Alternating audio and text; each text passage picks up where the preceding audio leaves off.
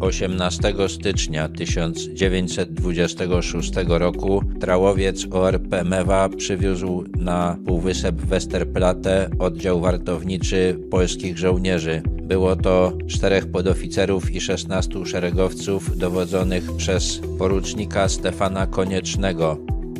Półwysep Westerplatte został przyznany Rzeczpospolitej Polskiej decyzją Ligi Narodów. Miało to ułatwić swobodę przeładunku broni i amunicji dla Polski. Na mocy traktatu wersalskiego Polska otrzymała niewielki odcinek wybrzeża bałtyckiego, ale bez portu z prawdziwego zdarzenia. Traktat gwarantował możliwość przeładunku dostaw wojskowych Gdańsku, ale w praktyce Niemcy temu przeszkadzali.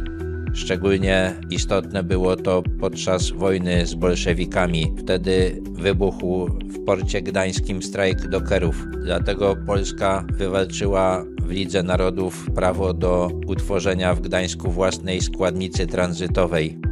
Miarę rozwoju portu w Gdyni znaczenie Westerplatte malało, ale utrzymywano te składnice ze względów prestiżowych.